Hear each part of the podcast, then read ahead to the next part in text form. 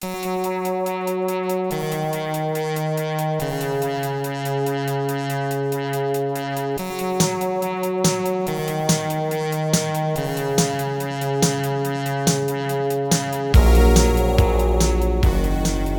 to First Draft with me, Sarah Enni.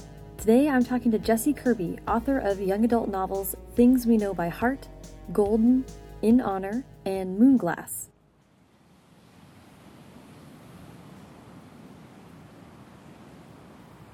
There are three very important things to know about Jessi before we get started.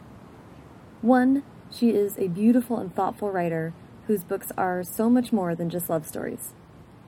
Two, she is one of the kindest, sweetest people I've ever met, and through her roles as both author and school librarian, she has helped to build Southern California's incredible kidlit community.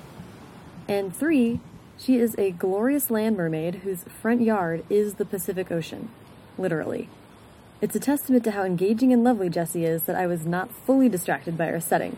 On beach chairs, under a rainbow umbrella, watching the sun set over Catalina Island and the endless blue horizon.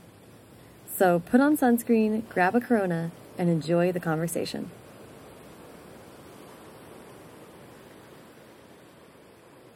Okay, now we're cooking. Um, so hi, how are you? Great. How are you? Good. It's so good to see you. You too. I'm so happy you got to come down. Oh my gosh, yes. So we are on the beach. Like basically toes in the water. It's like a Corona commercial. It is. We need Coronas. we do need Coronas. This is unbelievable, and we are just like steps from your house yes. in Newport Beach, California. This is going to be the most lovely chat ever.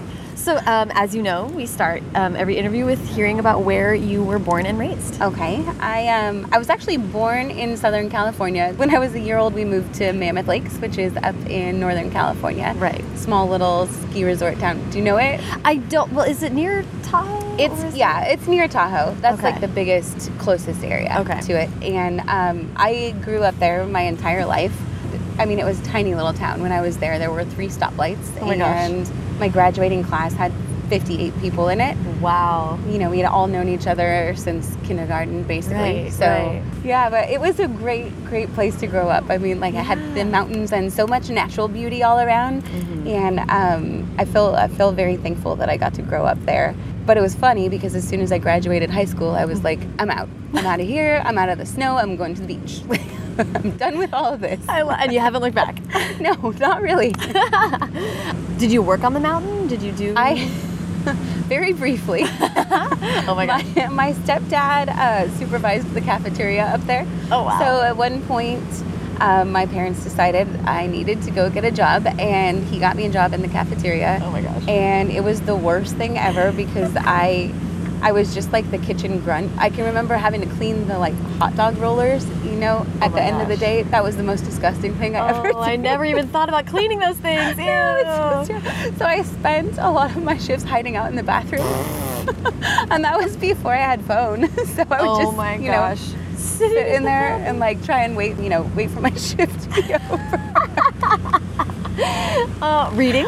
Did you bring a book? And No, I should have thought Oh, if only. I don't. I don't. So what what, what was um growing up? Were you big reader? Were you writing? When when did Both, uh, for sure. I um, I actually can remember like in third grade deciding that I wanted to be a writer because of Judy Blume. really? Oh. and because my I, my third grade teacher read us, um, you know, Freckle Juice and Tales of a Fourth Grade Nothing, and all of those great Judy Blume stories. And I can totally remember sitting in my little mini desk thinking, like, that is what I want to do. I want to write stories like her. And um, and so I wrote a lot of copycat stories, like Mhm. basically Freckle Juice with me as the main character. you know? Right, I like literally wrote stories like her. um, and then my mom was really very encouraging about that and but also kind of pushed me and would say like you know Jessi maybe you should try coming up with your own ideas and so um, around fifth grade i wrote my first original story that was called journey to the center of the earth which not an original title i know but I love that. Um, Baby steps. yeah, baby steps. And I was so proud of it. And my mom like made copies of it, and we put it in little folders and gave it to everybody for Christmas. And she told me, so "You're a published writer." And I was kind of like, Yeah, but no. Like I know, Mhm. I know that's that there's a difference, Right, right, between right. that and the books that we go get in the bookstore. Um, and so I was always kind of writing. Once I got to middle school and high school, it turned more into like terrible, awful poetry about boys I loved who didn't love me back. Oh my gosh. They all loved my sister. Oh my god! Wait, how how old is your sister? she is two years younger than me, but she Oh. was like taller than me and cuter than me, and like she just had it all. And so I wrote poetry, and then I also just wrote a bunch of little like I don't even know what to call them, like scenes or vignettes, like never Oh. stories or anything, Mhm. just basically like scenes that I would think of, um, and then and then I'd tuck them away and for maybe a story later, but never I never wrote anything long. Wow, that's so interesting. Yeah. The scenes, I that's actually like I feel like that would be such a great thing to tell any high schooler to like to try out and sort of get the feel for stories. And Yeah, stuff. it's like an easy little thing. You know, you get an idea. Usually, it comes kind of in the form of this picture, and that's just what I used to write. And then I'd be done with it. I didn't know what to do after that. I love it. I think what happens a lot of times by the time you get to high school, you say, "I want to be a writer," and people are like, "Yeah, what, but what do you really want to do?" Right. Um, and the other thing that I actually really did want to do because of a teacher of mine was become a teacher. Uh-huh. Um, I had this English teacher who was he was like Professor Keating, like he was just amazing. And um, I can remember sitting in his class and thinking, I could do this. I could do this one day. And so um, I went. I didn't really uh, seriously pursue writing Mhm. at all, just beyond you know writing in my journal and that kind of stuff. And then I, when I went to college, I got my English degree. Mhm. I took a couple of creating write, creative writing classes, um, but I never got above a C in on anything that I wrote. What? In Who's there. handing out C's in creative writing? By the way, what the hell? I know. I was like, That's not cool. every time I was like, seriously, God. but um, and and that professor that was interesting. I would like to go back and, and visit him because I will never forget on the first day of class he walked in and he looked like the guy um, in the movie Up, like the Oh, cranky old man. Yeah, Yes. like him. And he looked at us and said, "How many of you guys want to be published writers?" And we all raised our hand, of Yeah. course, because duh, creative writing class. And he's like, "I'm just going to tell you that less than one percent of you will actually make it." Like on the first day. Oh boy! Wow. really? Just yeah, we're all freshmen, you know, like so. But it was. um I always had this kind of, I don't know what blind optimism, maybe you could call it. And I Mhm. sat, I was sitting in there, and I thought, like, all right, well, there's a chance. I love small, that. but there's a chance. I love that. That's the most extreme, like like uh, glass half full version. Like, oh, one percent, I'm in. I got it. I got this. That's me. but then I got C's on everything, and I was like, oh, maybe he's right. Who is this d bag? Okay, can I just tell you? I'm just I'm chan like I'm hearing you talk about this guy, and I had a teacher who was so similar. It wasn't for creative writing though; Yeah. it was for Shakespeare. Mhm. So I t- and it was in college, and I took this class. It was the only C, one of the only C's I've ever gotten in my life. Yeah. And so this guy shows up, and he like shows up for the first day of class, and he is like, um, "What is Shakespeare about? Like, Oh what is gosh. Shakespeare writing about?" and we're all like. Oh, really, you know, I, I think I'm a junior or a senior at this point, so I'm like, listen, pal, what do you, what are you talking about? So Yeah. half-hearted responses, guesses. He's like, no, no, no, and then he turns around and takes up the chalk because this is one of those old school It's very dramatic. and he writes nothing. and I, I wish to God that I had actually just gotten up and walked out. And then I got to C in that class because from that point on, I was like, I don't give a crap Yeah. about you or this class or showing up or listening to whatever, you know, convoluted blowhard BS you are going to Yeah. spew at us because that is so, so unnecessarily dramatic. um, so yeah, I'm like, okay, I feel like I know this guy. Yes, you do. They're out there. It's like the academia, you know, that that world. Totally, but actually, just if you want to indulge me really quick, I'd love to hear about the teacher that inspired you, though. What what uh, oh, what grade was it? What were you reading it with was them? okay. So we went to, like I said, really small school, Mhm. um, and we didn't at the when I started high school, we didn't have like honors or AP or anything. Okay. And he decided that he wanted to start um, an honors class and basically teach us to, you know, get us to pass the AP exam. Mm-hmm. but there weren't enough kids to have it for each grade. So he made a class of 9th through 12th graders. Wow. So I was a freshman in English class with seniors, and That's he, cool. It was really intimidating. Like I was, I was not a um, a super outgoing like kid. I was really pretty shy and reserved. I just watched a lot. So I felt like just like this little kid with these big seniors in there, Mm-hmm. and he was just so. Um, he was a teacher who just didn't give a crap if he embarrassed himself. He was so excited about everything, Yeah. and it was just contagious. And you know, he could he could have us write five different essays on the same poem, and somehow I was inspired to do it every time because Wow. of him, because he would kind of push us, and Yeah. he had us writing essays like every other like we would write an essay and then he, the next day he would share all of the best ones and so my goal always was like to be one of the ones that you know that got shared and um, it didn't happen so much when i was a freshman but then i got to like move up there and i had him for all four years Oh, cool. so he built, and that class was, you know, my freshman class. All the kids that I was in his class with, um, we built up a relationship together, and with him too. And he was just amazing. I put him in. I put him in Golden. you did. Yeah. That's awesome.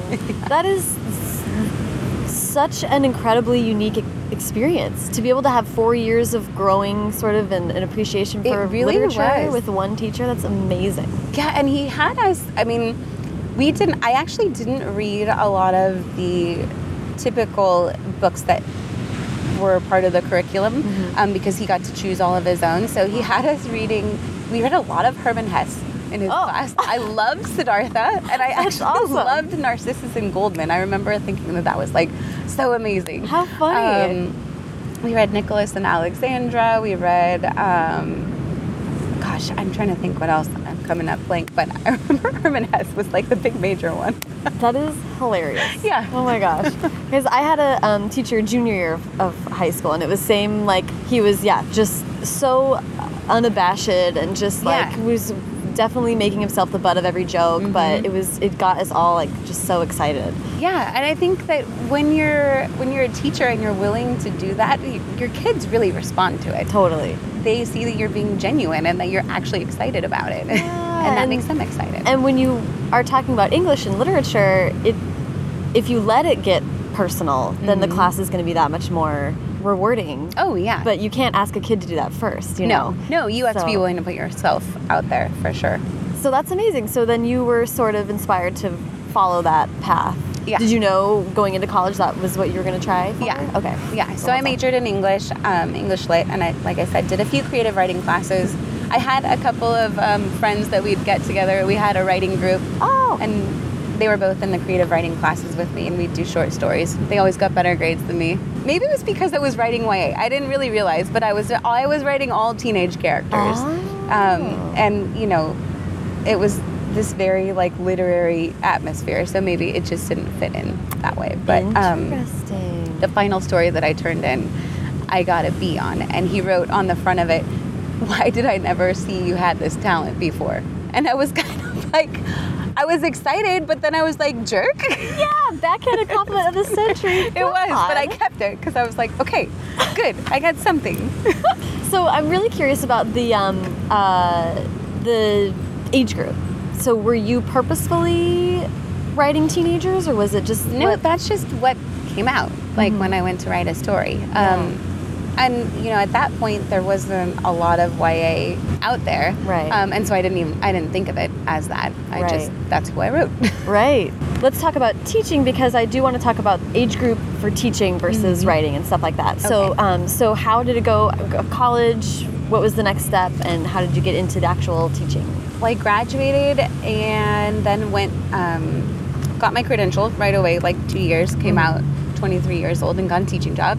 My first teaching job was at Bellflower High School, and I got mistaken for a kid every single day. It was a Oh, big no. school with a big staff, and I would walk into the copy room, and they'd be like, "Hey, no students in here." And I'd be like, "Hey, I'm Mrs. Kirby." oh, oh my gosh. but yeah, I loved I loved teaching. I taught high school, I taught middle school, um, and I ended up teaching for five years before I um, took a break from that for writing. Okay, so I, I, I'm super curious about. Did you have an age group that you really wanted to target when you got your credentials and started Oh, teaching? for teaching? Yeah. Mhm. I, I wanted to do high school. Okay. Um, I thought. And I, actually, I really liked high school, but I since have found that, like, I love middle schoolers. I just, they're such spazzes and they're so much fun and they're so awkward and, but they're still so excited about everything. I really, like, found my niche with the middle schoolers. Yeah, um, which I find so interesting Yeah. because when you write, you're writing YA, but would middle grade, I mean, is there anything about middle grade that pulls you, or would you? There hasn't been. No, it's funny. Um, except for Robin Benway keeps telling me that I need to write a middle grade based on my kids and their beach adventures. Oh, and my I'm God. like, maybe That would be that awesome. could be fun because I have lots of good fodder for that. And the contrast between what you're choosing to write and what you clearly like love teaching and, mm. and helping kids experience is so interesting to me. Okay. Because it kind of seems like maybe you were taking a break from that, going home and writing for older kids. I mean, what would I was well. I didn't. I, I didn't write for the first few years that I was Oh, teaching um, because like I threw everything into that and I was grading essays and English is probably I would say the most like take homework that that subject because of you know when you assign an essay it's a stack of 250 that you have to go through and read Yeah. so I didn't do a lot of writing in the beginning and then I had kids and so I actually kind of just it kind of drifted away from me for Yeah. a while Yeah. um, and then a couple things happened. And I always say I, I wrote Moonglass because I turned 30, which is kind of true. In our little family, we kind of have decided that, like, instead of New Year's resolutions, we do like birthday resolutions. Like, what are you going to do this year? And so I was about to turn 30, which seemed like a really big deal. I was mm. like, this is a whole new decade. Oh my gosh, I need to figure out something big and awesome to do in my 30th year. Because when I was 18, it was like, I'm going to go skydiving or, Right. you know, fun stuff like that. right. So I was trying to think of what I was going to do for my 30th year, and then around the same time, it was the end of uh, end of the school year, and I was teaching this whole unit on um, carpe diem to my eighth graders, I had middle schoolers at that point, and I was like trying to be Professor Keating. They were like, "It's June, they're checked out," and I'm like jumping on the desk, going, "Come on, you guys gotta go for your dreams. You're going off to high school." And um, this kid was sitting in the back of my class, and he raised his hand just with like attitude. Oh yeah. And I looked at him and I was like, what? And he goes, Miss Kirby, do you seize the day? Do you chase all your dreams? Like, totally trying to be kind of a jerk and call me out in front of class. And I really easily said, yeah, of course. Like, I have this job that I love. I have my family. I live on the beach. I go running. I do all these Yeah. things. And, um, and then I was driving home that afternoon and I thought, no, I, I don't. I haven't tried everything I want to. I haven't tried this one big thing I decided I wanted to do when I was eight years old. And um, actually, living here was really kind of instrumental in it too, because I had like 10 years earlier when I was a, um, a lifeguard up in Pismo Beach. I had kind of gotten this idea for a beach story, a girl who lived on a beach and had that whole like lifeguard Yeah. lifestyle, because that's what I was into then. So I dug out those notes and I was like, okay, for my 30th year, I'm going to try and write this story. I have no idea how to write a book. I started the day after I turned 30 and I um, would do it in the morning before work, like I do now. Yeah. Yeah. And then at night after the kids went to bed, because my husband worked nights, and I didn't tell anybody. Um, it just was kind of my own little thing. oh, cool. And he actually, I used to print, print the pages out that I wrote that day and go over it at night. My husband found some pages on the nightstand and was like, What is this? And I was like, Give me that! You can't look at that! so, of course, he had to read it. of course. Um, and it was this section of really terrible dialogue that I was like, you have no context for that. But one day, and I remember telling him like, don't worry, it's going to be a book one day. And he we, he kind of like laughed about it, and I was like, give me those pages back. And then we didn't speak about it again. That's so funny. yeah, I was like, no, it was my own little thing. For like 10 months or however long it took you to. Yeah, it took me about ten months to Yeah. finish it, and um, and then I had it. I printed the whole thing out in a binder, and I was like, what do I do with this now? Right. And I was really proud of it. Yeah. And um, there were a couple guy English teachers at my school who were um, who had a critique group, and I asked if I could join them. And they said, sure, bring you know, bring a couple copies, and we'll do yours next. And I was like, okay, they're gonna love it. It's amazing. Oh, no. And oh god, so I brought my, I like met them at Starbucks and gave them each the coffee and Of the like, whole thing? okay, or yeah, the whole thing. Wow, wow. They had just finished up doing something else, and one of them had gone through the process of querying and was doing that, so he knew Oh, wow. more than a lot more than I did about Right, the right, whole right. thing. And when it came time to meet about my book, they sat there for a couple of probably like close to two hours and told me, you know, everything they thought was wrong with it. And I sat there like trying not to cry, like okay, okay. And I, I barely got out to the car before I called my husband and I was like, I don't know what I was thinking. I'll never be a oh, writer. This is terrible. Like, what was I thinking? And he just was like, Well, did they tell you, you know, how to fix it, how to work on it? And I was like, Yes. it's like, Well, are you going to fix it? Yeah. I was like, Fine. Yes. So I did. I revised it. I took probably about a month. Um, and I looked over their notes, and you know, the things that they agreed on, I really tried to pay attention to. Yeah. And I worked my butt off on it because I was like, I've, I've gotten this far with it, so I may as well, you know, Yeah. see what else I can do. And so the second time I brought it back, they read it and they were like, okay, now you should try and do something with this. Wow. And so I knew nothing. I, I literally like went to the computer and Googled how to get a novel published. Yep. And I realized I needed an agent. So then I actually, I can remember like walking the aisles in the library and pulling out books that I liked that I thought were similar Mm-hmm. and looking in the acknowledgments for their agent's name. Well, I think it's so neat that you just happen to have a, a real life support system like that, though. Yeah. Um, that's a pretty amazing that you kind of have these guys that were able to be there for you right it then. was really, this is going to sound like super new agey or I don't know. Oh, please, go for it. I'm into like, it. I really think that kind of once you decide, like in yourself, like once you make an actual decision that you want to do something and you commit to it, Yep. that things start to kind of fall into place for Yep. that to happen. At least it's been my experience. Absolutely. Well, I, I think that's 100% true. And also because once you commit to something, Mhm. then you start to notice what's already there yeah. that you haven't really paid attention to before. You know, I'm Yeah. sure there was bits of conversation that that would have happened anyway, but then you're like, oh, wait a second, actually, I have more questions about that. You know, like Yeah. all of these things. Then just you your your tuning fork gets to It a different pitch. You know, I like that. I'm like, I just. Does that make any sense? I don't know, but No, yes, totally you know what I'm saying. um, so that's really neat that they were able, and like, oh man, that first experience of critique is, uh, it's rough. I mean, it's your it's your your heart right there in the book, and so but um, they were kind about it. They Yeah. weren't being mean. It was Right, oh, right. just.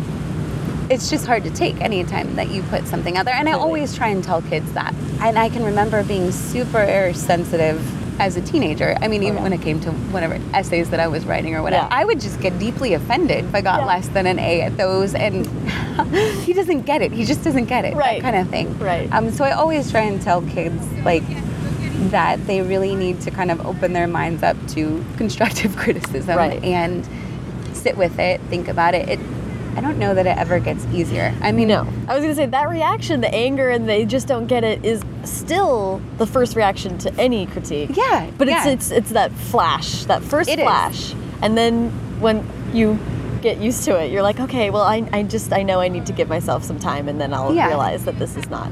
I think you get better at dealing with it. yeah. You know, the more that you do it. But I still, every time I get an edit letter, I'm like, oh God, she doesn't get it.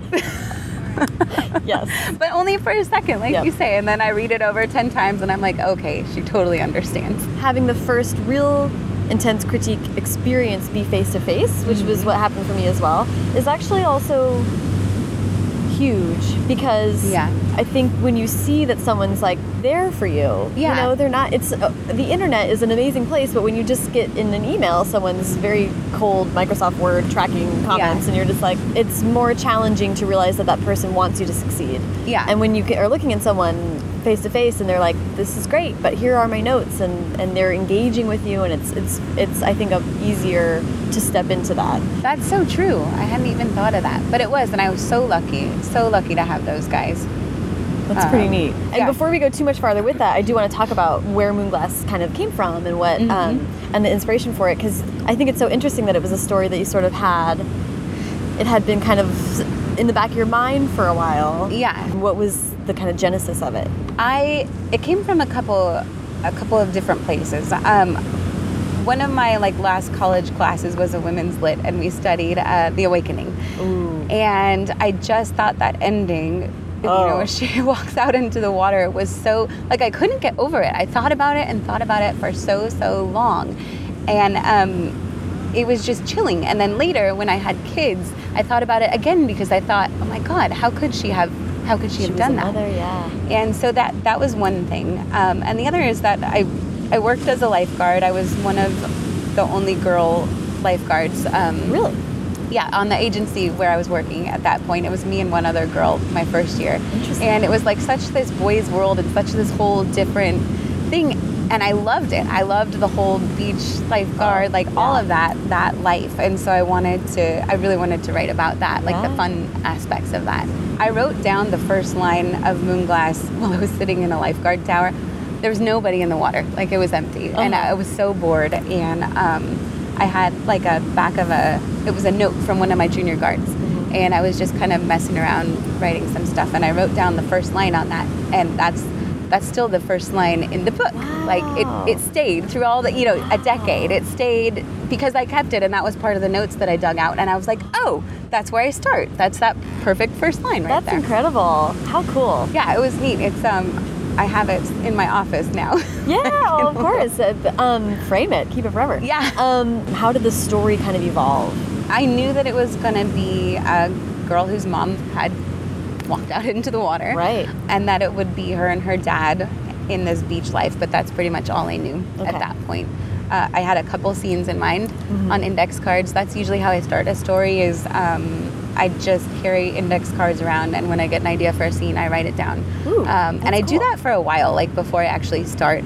And then I'll sit with all the cards and lay them out and kind of see what I can build from there. Ooh, I like that. Yeah, I have to have a physical, visual representation. of That's really the only way I can like see a whole story Yeah. is like that. Yeah. And so I used to, um, I used to get like a trifold uh, presentation board, Yeah. Mm-hmm. and I would pin my cards to that, and then I could close it up and put it away. And then So for a little while, I had an office with a big giant bulletin board, and my stories all went up Cool. on on that board in index cards basically Yeah. before I started writing them. Well, then fast forward 10 years Mm-hmm. and we moved here, and I was like, oh, wait a second. Here's where the story is. This is like the perfect setting. Um, and I was just so inspired by this place and kind of the history behind it and the people that I met here. I just kind of started to build really i wrote moonglass as i went like i didn't i didn't plot it out ahead of time i i would. was in your way. yeah, Yeah. i did. I didn't know how to write a book. I didn't Oh. know what i was doing. I well, was just pl- like plenty of people still write books that way, so. yeah yeah i was like well i guess the next chapter will be hmm. And i'd look around out the window and be like she will go for a run. That's what will happen. Something will happen on that run. I don't know what yet. Mm-hmm. but it's different for each book you know. And i've gotten to where now I, I i do plot out an outline a lot more. I've learned that i like it better that way. Yeah, yeah, yeah. And just and when you of have the scenes, yeah it's a good place to start. that, yeah, that basically gives me a, a really loose outline and a place to start. Usually, it's the scenes that I'm most excited to write. Right. Um, and I always am envious of the people who say they write all those first Oh, yeah. and then they just fill it in. And I, I've never tried it. I'm, I'm scared to try it because I think that I would write all those and then you'd have to write all the boring parts in between. Yeah, don't do it. uh, I'll tell you straight up, don't do it. No, have you tried it? I used to write out of order, and it just the it, the agony of writing this the like little cut scenes. Yeah. Oh no, it was terrible. yeah. And then you'd have to reorganize. I mean, it just was a, a mess. Mm-hmm. So I am I am one to the end. Yeah. From now forward, because it's just like otherwise, and then your continuity errors when you mix it all up. It's crazy. Yeah, and I think by the time you get, you know, when you get further on in a book and you get to like the big climatic scene, you having written it linearly the entire way, you know so much. Where if you just wrote that separate Yeah. itself, then it doesn't. I don't think it would have the, same tone resonance. Would be, you know, I feel like Yeah. the when you go from the beginning to the end, you follow the emotional Mm-hmm. Waves, and so you you can be there with the characters. Yeah. And then when you're just sort of picking it. I don't know. It's like I can't. Yeah. I I feel for actors having to film out of sequence That's true. because how challenging to be like, oh well, today I'm devastated. Yeah. Uh, oh, okay, right. And it's like, but why? I mean, that would be so hard. Yeah, and I feel like we're so lucky that we don't have to do that. I really did want to talk about the power of setting in Moonglass in particular because it seemed like, and um, I'm curious if this is true or not, but it seemed like the setting almost became a character and a plot in some Yeah. ways. Um, and it seemed like maybe that helped propel you through the kind of rocky experience of writing a first book. I think that definitely did, just because I was so in love with this place. I mean, and it was just after we had moved here, and it just was so inspiring Yeah. every day to look around. And you know, I'd go gosh. run down the beach and think up story ideas, Mm-hmm. and it. Um, setting for every book is really important for me, Yeah. though. It's one of the first, besides the scenes. Mm-hmm. Um, that's the other big thing that I start with. I think maybe because of where I grew up and where I get to live now, like I have a really big appreciation for nature Yeah. and for you know, Yeah. the, for the natural world and I still you know it still makes me wonder and I'm still curious about all of it and I still get amazed about it and so Yeah. I, I have to write about that I love Yeah. I love weaving that in there Absolutely. Well, and I think when you have had the experiences that you ha- that you've had of living in like in a town, both of these places, the existence of everyone within them is so predicated on geography. Mhm. I mean, it, it's inextricable from the life that you live here, you Yeah. know, or in Yeah. the mountain town or in a resort town. And, and I think a Mhm. lot of, uh, I was just talking to a friend about this the other day. The sort of there are some books where it's purposefully wanting it to be a very generic town, you know, Yeah. and it could be anywhere. Yeah. And it's like I'm less and less. I find myself having less and less tolerance for that. Yeah. Of just books that are in like anywhere suburbia, mm-hmm. strip malls, blah. And I'm like, I just, I really care about how a character is interacting with their world in a, in a more real way. you Yeah. know? And then it's just fun. It is like I, I go around and you know here was easy because I was living here Mm-hmm. and you know I just had to walk outside and for in honor I, I took a road trip I didn't do the whole road trip that they did but I um, I went to Sedona and um, and Flagstaff and a, and a few other places that I put in the book just because I find such inspiration on those trips and Oh like gosh. that and then Golden is really written about my hometown uh, I didn't call it that but it's mammoth like Mm-hmm. every little bit of it from you know the the places they used to go out drive out to party to like the places that she hikes to are all those are all my old places and they Mm-hmm. Were important to me then Yeah. and so that book was kind of like my my little love letter to my hometown things we know by heart that is back to the beach and that one is basically all of the places where i was really familiar with in college up a little bit further on the central coast so Oh, Yeah. like Pismo shell beach big sur kind of area Yeah. you know they're Oh. all just places that i love So cool.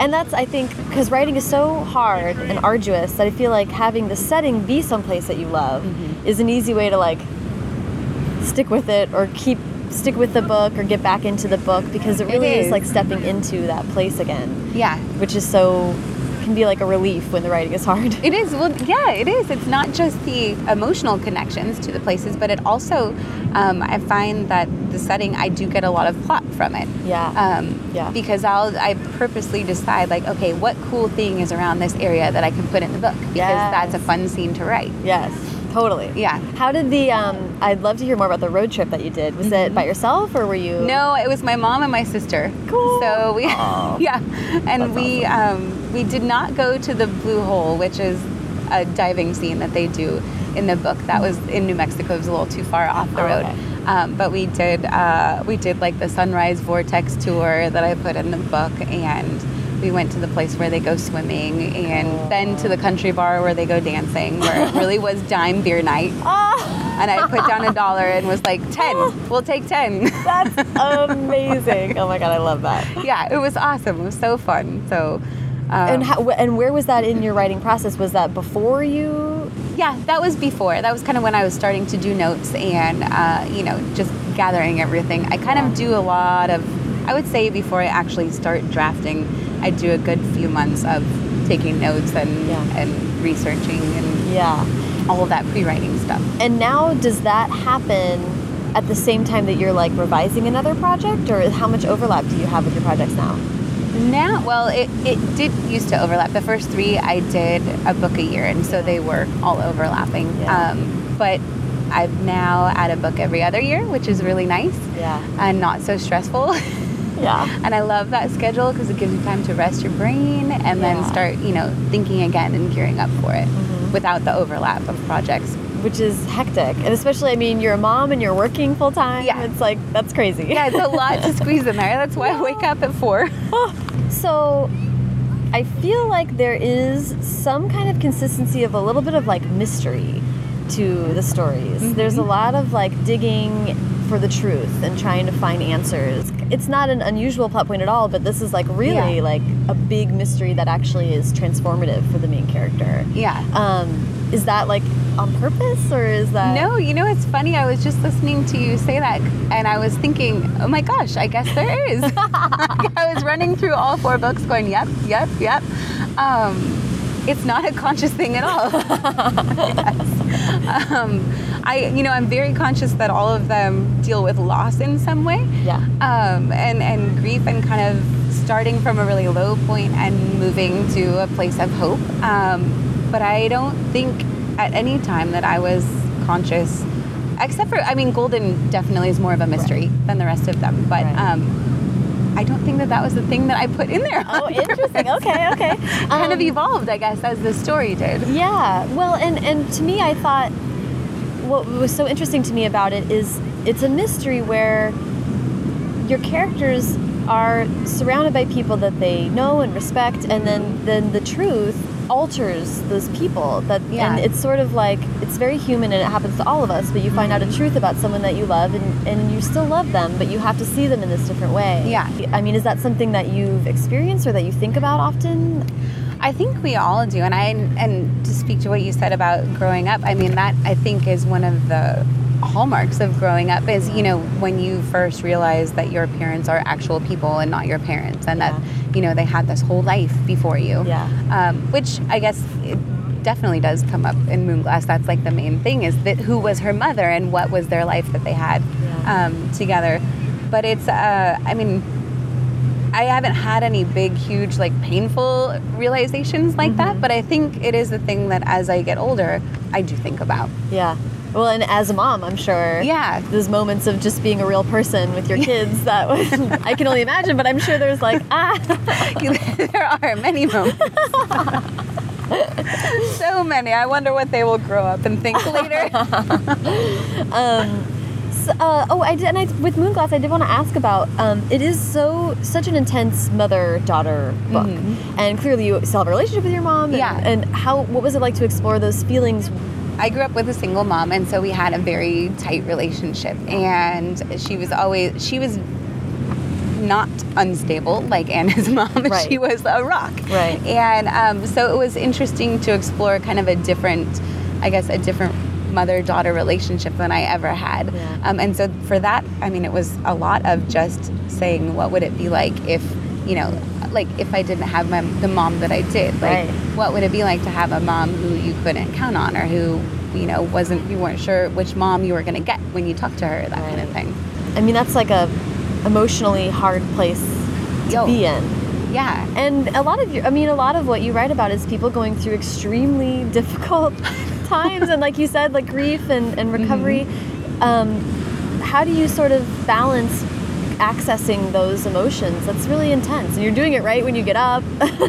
Yeah, that's true. Um, it's interesting because when I'm writing, I always gravitate toward emotional stories, and I know mine are always going to have some like kernel of sadness in, in it. Yeah. Um, I think it's such a like a grounding place to start. I guess. Um, Very human, yeah, the most human. yeah. You know, when you're at your at your lowest, when you're vulnerable, and so I think it's really interesting place to start with characters Yeah. because immediately you feel for them. Like I feel I feel empathy for them every time I write these Yeah. people. Um, and you know, I was for some scenes like the big big you know emotional ones i will I, i'll have to like to get into that mindset i'll sit there and listen to the same like sad song on repeat like five times Yeah. and then i'm like okay i'm ready to write it yes. but um, a lot of that uh, like kind of delving into the emotion, I guess, happens more in revision for me. Ah, yeah, Um, yeah, yeah. When I draft it, it always feels pretty surfacey. Mm-hmm. And so revision for me is always, always adding. Like I mm-hmm. hardly ever cut anything. It's Interesting. Okay, yeah. adding. So bare bones kind of first draft Yeah. and then building around that. That's that's I like that.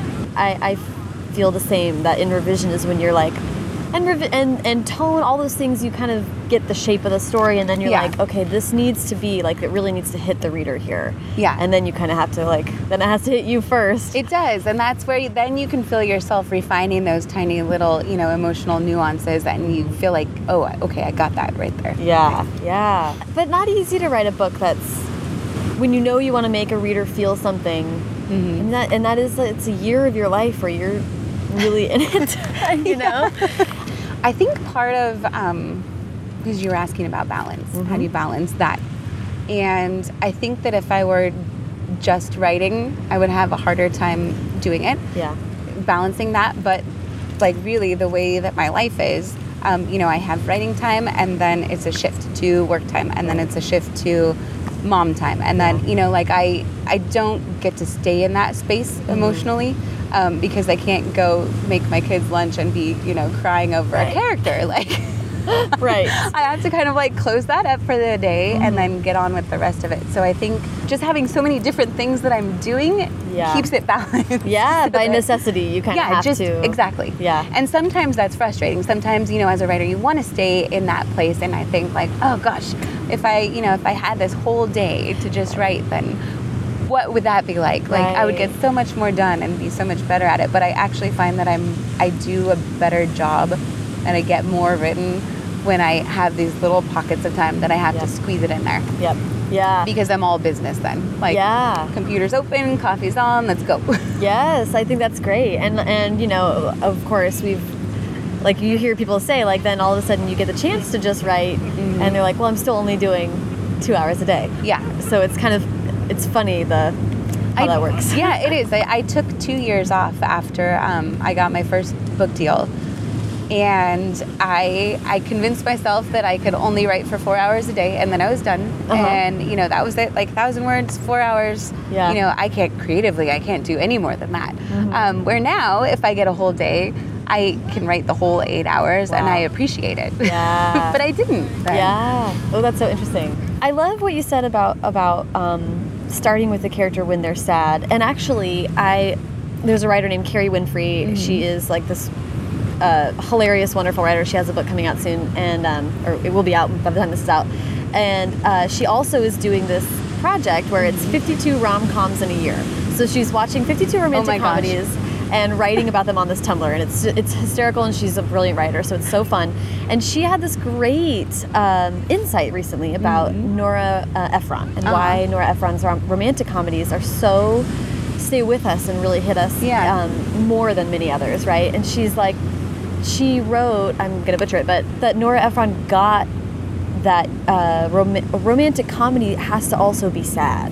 You know, Yeah. that life isn't just this zany, goofy, Mm-hmm. highs, highs, and falling in love. It has to be in tandem with Yeah. a real human experience of, of the downside of everything. You know, think about You've Got Mail, like, I, I mean, know. her shop actually closes. You know, I know. it's very sad, and like, yeah, all these, uh, all these things, and she's like, that's how you know that a story, you know, that's why these stories stick with us so much. So I, um, and I bring that up because your stories are also, of course, love stories, Mm-hmm. and um, you know, beautiful falling in love stories, and like, all the better for the fact that there's more than that going on around them. Yeah. I never think of them. You know, it's uh, Things We Know by Heart was the only one that I really thought of as a love story. Oh, really? Uh, it was the first one that I thought, oh my gosh, I'm gonna write a love story. I'm kind of scared because what else do I have besides that? Where, like with Moonglass, to me, that was really the mother daughter story. The romance was kind of, you know, a sideline. In Honor was a story of getting over the grief over her brother, really, on that road trip. And then um, Golden was more of a mystery to me. I mean, it had the love story with the parallel kind of love stories that Right. happen in that one, but they weren't my focus. Um, it's more about the character finding out some truth, I guess. Yeah, yeah, yeah. And so when I, I was actually really nervous about trying to write what I considered a love story with things we know by heart. Interesting. Because I was like, but what else do I have? Like, what else am I going to tackle? What else am I going to talk about besides Right. them falling in love? So then you chose something huge. yeah. oh. the, I mean, the, I would love to hear you talk about about research and getting uh, how you got into the idea of this is because this happens in real life that people can track down Oh yeah. do, uh, donor. not that hard. Yeah. So so go ahead and explain and then and talk about how this kind of came to be. Um, well, I originally got the idea from an article that I read just randomly online about uh, cellular memory and that concept that you know, in especially heart transplant patients, Yeah. that that heart and the cells in it retain some memory of their owner. Yeah. And there's all these weird anecdotes of people, you know, all of a sudden getting a heart transplant and having different taste in food or you know craving different things or all of a sudden wanting to listen to a different type of music and in all these stories they attribute it to the owner and so the original idea was around that i thought oh it'll be more of a like not supernatural but i wanted to have some sort of It's almost genre. yeah. Then I started researching the kind of relationships between donors and recipients and, and why some of them contact each other and why others don't. And I got much more interested in that um, and kind of the real aspect of that. Yeah. And I thought, what if what if one half really, really wanted contact and the other half wanted nothing to do with it? What if they met? Yeah, yeah. and fell for each other and Yeah. what would happen then and so that's kind of where where quinn and colton came from that relationship is fascinating to me that connection Oh, yeah. because there's something so so real and so it's i mean it's physical but it's also a spiritual connection between these people I love it's endlessly fascinating to me the idea that we are you know, I don't believe in fate, but the little things where you're like, well, but and you hear Yeah. about like, well, people are attracted to each other's smell Mm-hmm. partly because that is part of how the human body recognizes a compatible immune system. really Yes, isn't that amazing? I'll find the article and include it in these notes because I read it. When, I think it was NPR thing something, and I was like, "Are you serious?" Like, there's all these things where it's like we are in charge of our own lives, but we're also not. We are also subject to just we're animals in these ways, Yeah. and we have and shared experiences and all of these fascinating things. All the ways that you fall in love with someone, and it's so many different jigsaw pieces falling into place. oh yeah it Um, totally is So like yeah, you reading about all the stories that you read to get I was like, "Oh, these are this is so fascinating." It was. I got super into researching the whole thing, and I um like I've always been fascinated by the heart. There was this book that uh, Gail Godwin wrote a long time ago called Heart, and I had had that too. And I when I started thinking about the story, I dug that back out, and it's about the you know the heart basically throughout history and different cultures and how it is always always important. Like it's never. Wow. And there's there's a handful of other ones I could give to you. well, I that are love amazing for real. But I love that idea too that it's like that the heart is a universal is universally important. Like no matter what culture what time period it is Yeah. everybody somehow attributed so much to that one organ. Yeah. and um, the most fascinating thing i found out while i was researching is that it's act- so you know we say we feel everything with our hearts. It's actually what's called an insensate muscle. So like you can poke it with a needle and it doesn't feel anything Weird. i know That's super weird. The, you, so I they never even thought about that. catheterize it and it doesn't you don't feel it um, which i thought was so crazy and ironic Wow. Oh, that's that is really ironic. I It- like that. yeah yeah and i actually in researching i met a guy 18 year old kid local down here who um, had had a heart transplant actually i found out about him first when i was um, I was looking around, you know, Googling 18 year old males, heart transplants, trying to find stories to kind of shape that character of Colton. And um, this kid popped up, and his sister had just written this whole big blog post about him and how he needed a transplant. And so people were doing fundraisers and stuff. And I kind of I got really invested, and I started, you know, I followed her on Facebook Yeah. and would read all the updates about him. Yeah. And after he got his transplant, and it had been a little while, uh, I wrote him and asked if I if he might be willing to talk to me about it. I told him I was writing a book, and and he said sure. And so we met up, and he it was really funny when he first the first time I met with him and we talked about it. He was very. Um, he answered very like surfacey about everything, and Yeah. didn't. I could tell he didn't want to delve into any of the emotional part of it because it was Yeah. too close. Mhm. Um, but he gave me a lot of great information as far as like the medications that he has to take and, and Yeah. the day to day stuff of Yeah. living with that. Um, and then a few months later, maybe like six months later, he called me back and asked if we could talk again. And that's when he he came down here to my house and he told me the whole like from beginning to end story of all of it. And at that point, I think he was much more ready to Yeah. talk about it. Yeah. And I was just so amazed and so touched by his story that a lot of a lot of him found his way into Colton. Oh for yeah. sure. How could it not? That's like like he like booked you for therapy. that that's incredible that you got to sort of be become close to someone that is so Yeah, it was. living this story. it was. It was really amazing. And again, this is i I'm like I can't. You were really putting yourself emotionally in a pretty. That's an intense place Yeah. to try to imagine. Like, what would I feel like?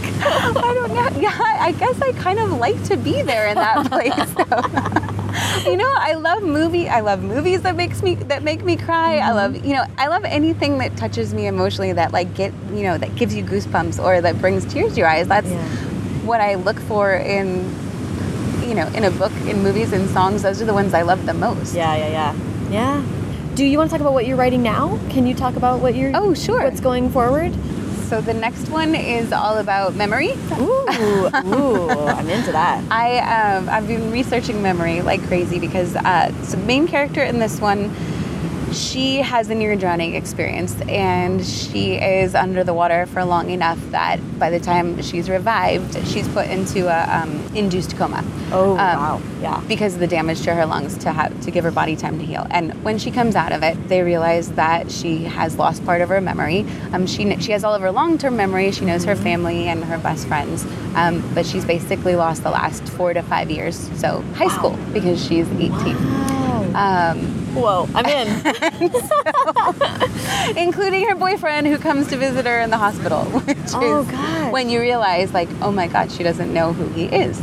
So you take you take high school, a time when you're trying to figure out who you are. Yeah. Anyway, and you're not really sure, and then you take that whole experience away. yeah, Then what are you left with? yeah.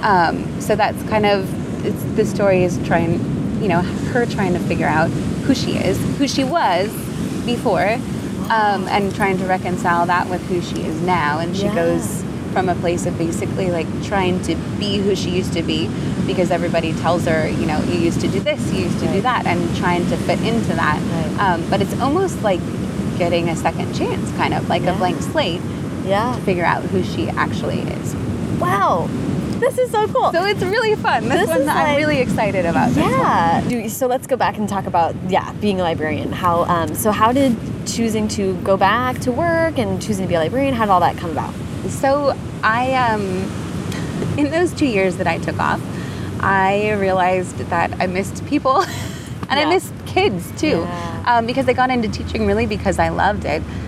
Before I got my book deal, uh, the librarian at my school was going to have a baby, and she Oh. owned, she wanted to work part time, Mhm. and so she we were friends, and she asked if I would be interested in working half time, splitting the library job with her. Yeah. So my actual last year of working at the school was in the library Oh, okay. and learning the job from her. I worked part time, which was great because I was, you know, trying to write the second book at that point.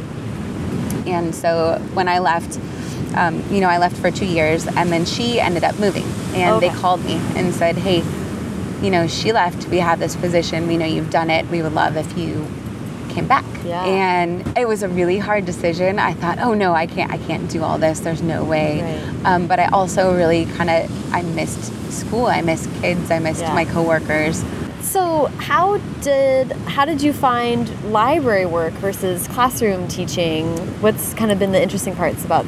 I have? I loved it. Um, I love it so much more because I still get to interact with the kids, uh, but it's in a totally different way than Yeah. as their teacher. You know, I'm not Yeah. assigning them homework. I'm not calling their parents. I'm not doing any of the like bad guy stuff. Yep. So basically, in the library, I get to be a cheerleader for books and totally geek out over books with the kids. Yeah. And you know, I pick the ones also that I think that I know don't like to read because I see, you know, I've seen their scores and their Mhm. English grades, and I call them in and we find them books that I know that they'll like or that I hope that they'll like. And so it's a really it's very gratifying and Yeah. fulfilling place to be.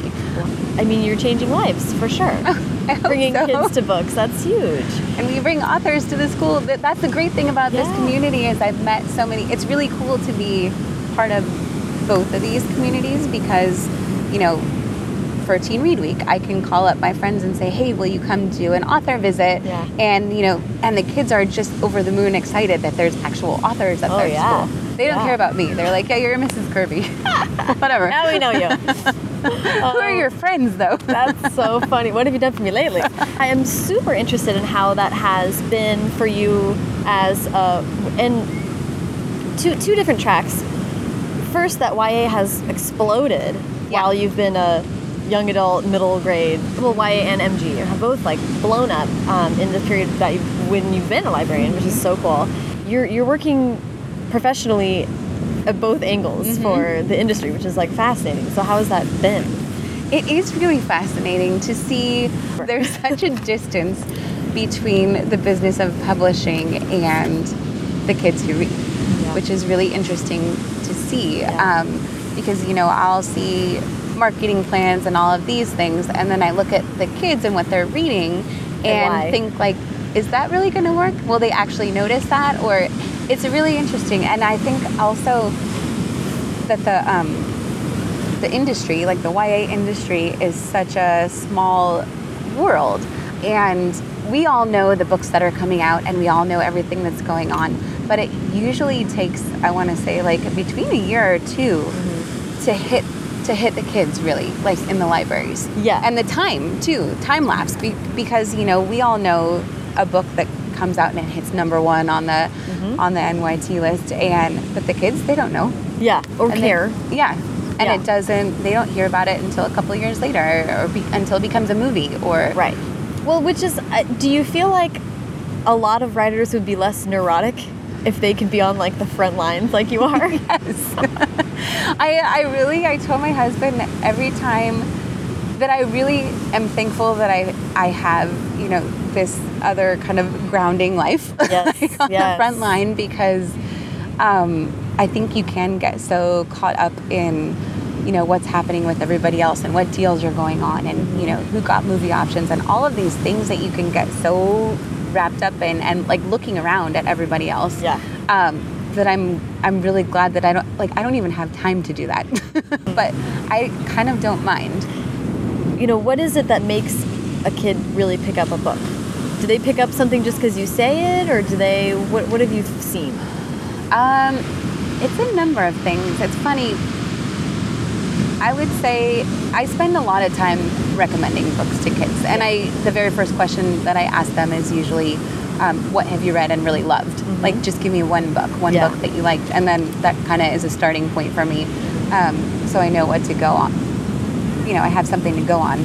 Um, and so I think a large part of them deciding to read a book is how it's presented and how excited you are about it when you talk about it. And so I am like a big, huge dork in the library. And I'm like, oh my God, this. Okay. So, and you know, I, I do a little mini book talk on it. And I'm like, so you have to try it. And they all take it. They're like, okay, maybe just to humor me and like, hey, Miss Kirby, you're being a little crazy. But um, I obviously can't read all of the books in the library. But having read widely in YA, and then you know I keep up on reviews and all those, so at least I know what the story is about that I'm pitching to them. Yeah. Um, I just think it's maybe the same with teaching. It's a matter of enthusiasm. Yeah. Um, you know, when they come into the library. Yeah. To looking for something. Yeah. I love. I feel really, really lucky to be able to work in the library and also to write books. Yeah.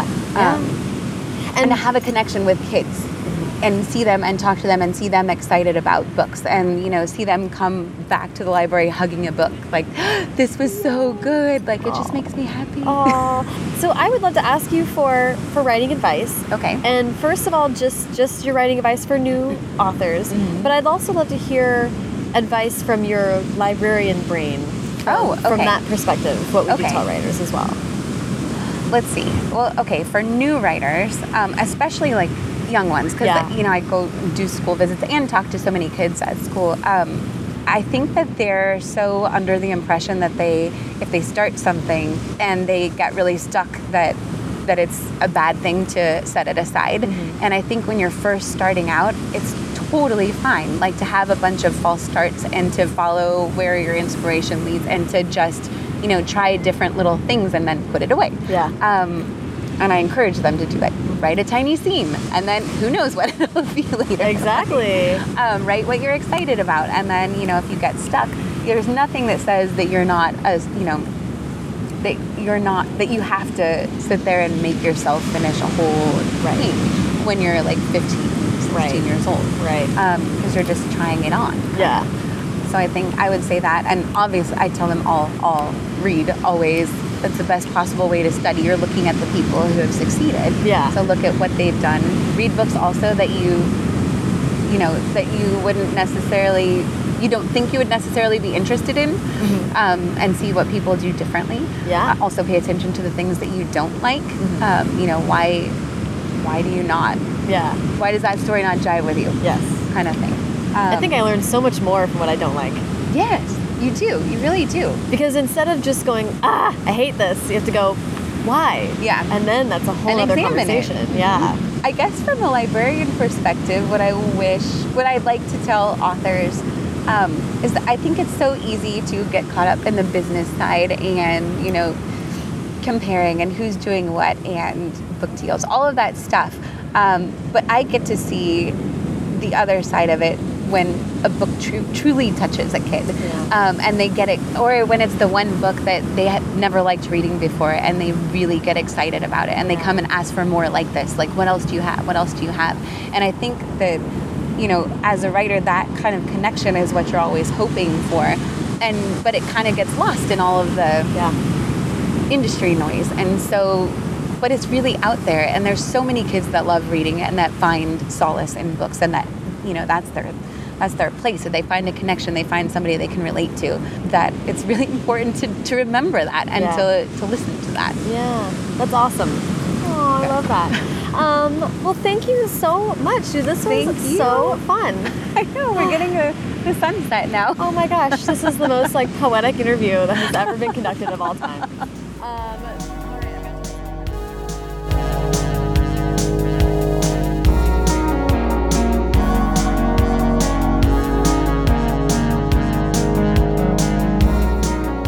so much to Jessi. Follow her on Twitter at Jessi Kirby and follow the show at First Draft Pod and me at Sarah Enni. You can find the show on Facebook and get a sneak peek at future interviews on Instagram. But for links to everything Jessi and I talked about in this episode, as well as my favorite quotes and a backlog of the more than 60 other episodes, check out firstdraftpod.com. So, what are you up to in April? If the answer doesn't include seeing me and or First Draft live, that is silly. There are so many chances. First, I'll be at the Los Angeles Times Festival of Books, moderating some incredible panels on April 10th. The LA Times does not fool around, and once again, this festival is going to be star studded and incredible. Do not miss it. Then I'll be in Dallas, Texas for the North Texas Teen Book Festival on April 23rd. I'll be there moderating panels with some amazing authors, and I'll be on a panel sharing tips and tricks to podcasting.